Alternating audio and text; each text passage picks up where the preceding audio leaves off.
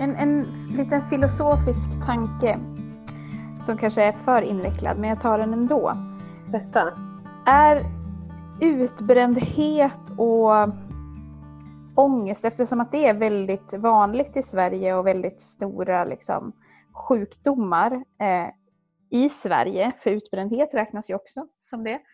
Är det stora saker i Sverige därför att vi är, återigen som vi har pratat om förut, vi är dåliga på att samtala om hur vi känner, hur vi mår. Vi, tar, vi liksom hanterar inte saker och ting på en gång utan vi låter det ligga och gro. Och vi, det här att just ja, men duktig flicka-syndromet, att vi säger inte vad vi tycker och tänker därför att ja, men vem är jag att uttrycka mig om det? Ja, men lite det här äh, jantelagen, du ska inte tro att du är någon syndromet, om man får säga det så. Kan det vara en stor anledning till varför Sverige mår som det mår när det kommer till de här områdena? Hej! Du lyssnar just nu på Två vänner och en tro. Med mig, Linda. Och mig, Hanna-Maria. Alltså jag kan nog tänka mig att det faktiskt ligger en sanning i det, om jag ska tala utifrån mig själv.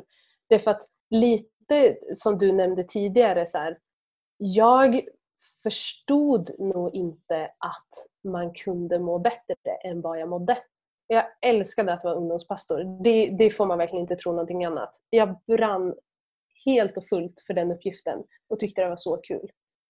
Men inför vissa uppgifter, hur kommer det här lösa sig? Hur kommer det gå med den biten? Har jag koll på det? Liksom. Mm. Men jag visste någonstans ändå att det där kommer lösa sig mm. när vi väl är på plats. Och det gjorde ju alltid det. Och ändå, fast jag visste det, så kunde jag oroa mig så mycket för de sakerna innan. Och det har ju jag förstått i efterhand när jag typ har jobbat med andra saker eller så att bara oj, jag, jag behöver inte må så där. Den där känslan behöver inte vara standardkänslan inför att jag ska gå och utföra en viss uppgift. Mm. Och det förstår jag ju först när typ när man har pratat med människor om det men också när jag hade upplevt ett annan, en annan arbetssituation. Liksom. Mm. Men jag tror absolut att det, vad vi pratar om och vad vi inte pratar om är en jättestor grej. Mm. Eh, därför att det har ju någonstans med okunskap att göra. Vi, vi var några kompisar som satt och pratade om just det här med löner. Alltså inför en jobbintervju, att våga prata lön. Mm. Och vi inser att den enda som kände sig egentligen bekväm med att prata lön var killen i rummet. Mm. Alla vi tjejer tyckte mer eller mindre att det var en jättejobbig sak att ta upp och prata om. Därför att man visste inte vad ska man fråga, Nej, men är det inte oartigt att ta upp en sån här grej? Och man bara, du sitter på en arbetsintervju. Det, det ska ju vara det mest självklara att vi måste ta upp och prata lön. Men det här är ju ett väldigt kvinnligt, en kvinnlig problematik eller vad man ska säga. Eller kvinnlig problematik skulle jag väl inte säga egentligen. För att det har blivit en, ett problem för kvinnor därför att kvinnor ska inte ta plats och synas i rummet. Ja. Och därför så ska vi absolut inte tycka att det är okej att prata lön. För ja, vem är vi att be om det? Det ska väl ja. chefen bara ge oss det vi förtjänar.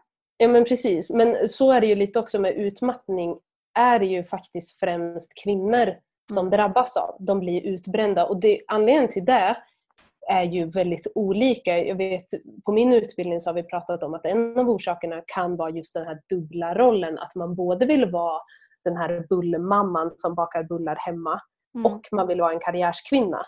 Mm. Jag tycker någonstans att det handlar om vad har vi skapat för samhällsbild och för samhällsklimat uppenbarligen så är ju det ett väldigt osunt samhällsklimat vi har skapat för oss eftersom att de här sakerna förekommer.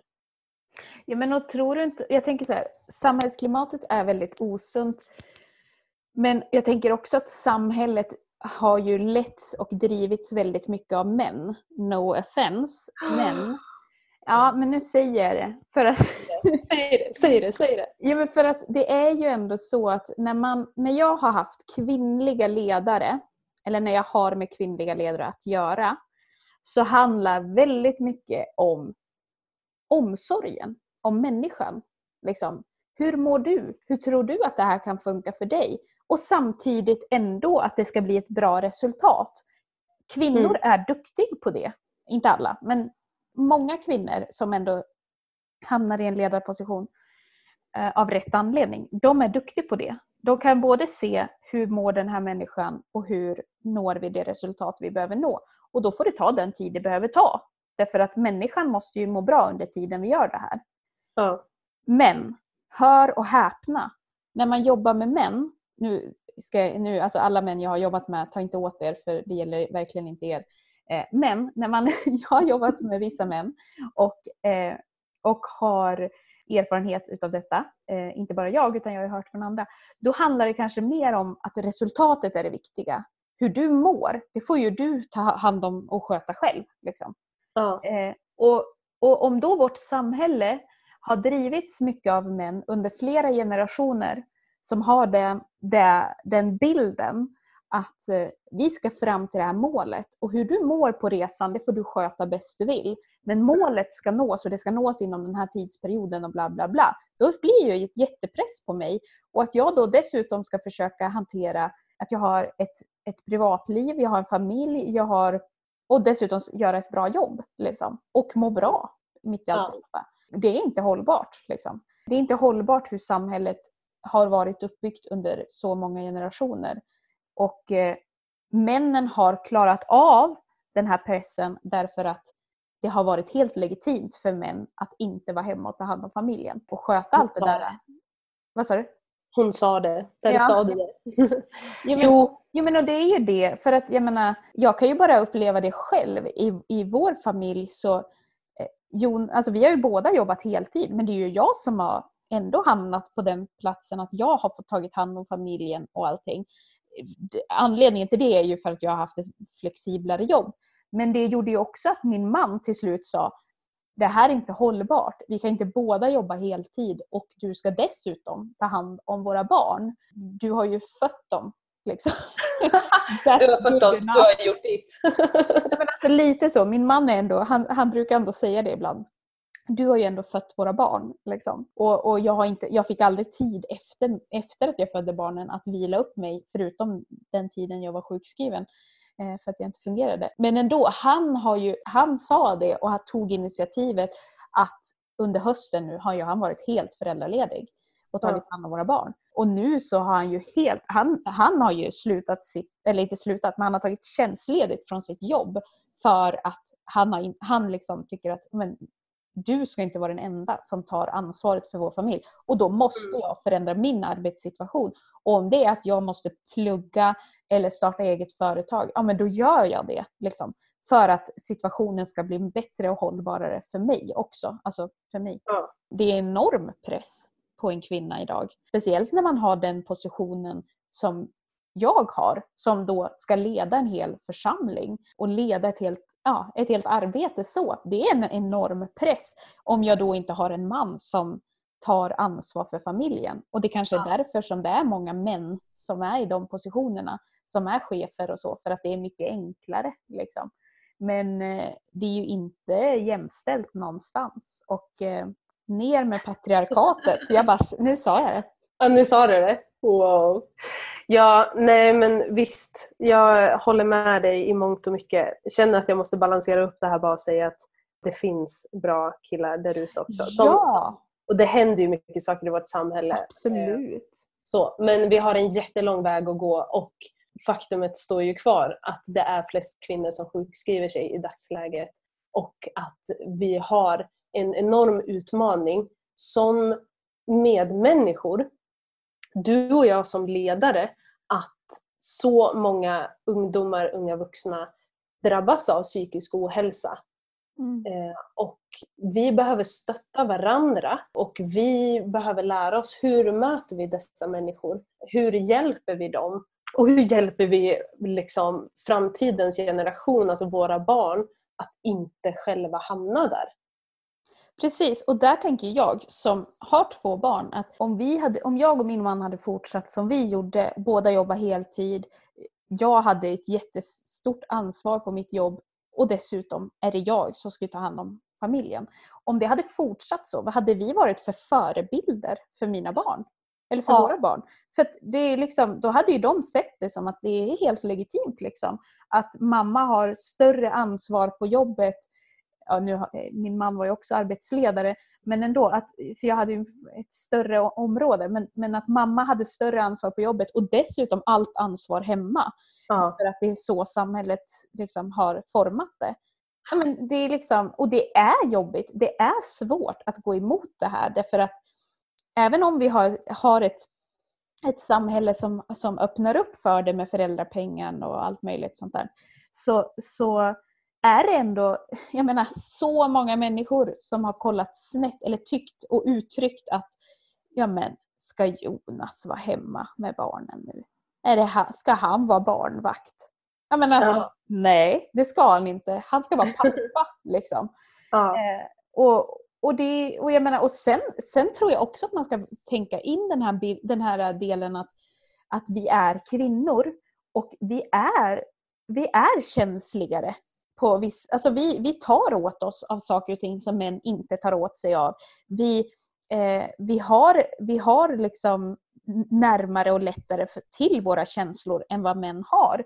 Och det gör ju också att vi snabbare tar åt oss, vi, vi blir nertyngda av saker och ting kanske snabbare och vi, eh, den liksom känslomässiga biten är en stor del av vårt liv. Och det, det är så, det är sådana vi är. Och det, då måste samhället anpassa sig efter det. Eh, ja. För jag tänker inte anpassa mig efter samhället och må piss. Liksom. Jag är kvinna och jag måste få vara kvinna. Och jag måste få må som jag mår och jag måste få ha, ha nära till mina känslor. För det som Ja. jag är. Det är så precis. skapade mig. Ja, och jag tycker att du, du slår huvudet på spiken när du talar om just alltså, förebilder. För Mm. det, det nämner ju också Avicii i den här dokumentären. Att han säger att men så här gjorde många andra DJs och det verkar ha funkat för dem. Mm. Alltså att ta till oss själva att jag vet inte vem jag är en förebild för men jag är antagligen någons förebild. Mm. Alltså folk, yngre personer ser upp till en och kanske framförallt oss för att vi är i ledarpositioner. Och det har jag hämtat styrka ur i situationer när jag egentligen inte har orkat stå upp för mig själv. Då har jag tänkt så här, nej okej, det, jag kanske tycker det är okej att de gör så här mot mig för att jag vet att jag kan hantera det, Mm. vilket är bullshit. Eh, men, men jag skulle aldrig tillåta att de gjorde så där mot henne eller mot någon annan kvinna eller man. Mm. Och därför så hittar jag styrkan i att säga, "Äh, fast hörni, det här är inte acceptabelt. Precis. Eller vi gör inte så här. Och så tänker jag att jag gör det för den som ska komma efter mig. Eller den, om det hade varit någon annan person. Mm. Ibland kan man behöva, när man inte orkar stå upp för sig själv så får man tänka att okej, men jag står upp för någon annan. Men eh, en rolig sak innan vi tar några mm, frågor och funderingar som man kan bära med sig är ju att eh, du kommer ju faktiskt ha ett seminarium om det här på Lapplandsveckan i sommar. Ja, precis.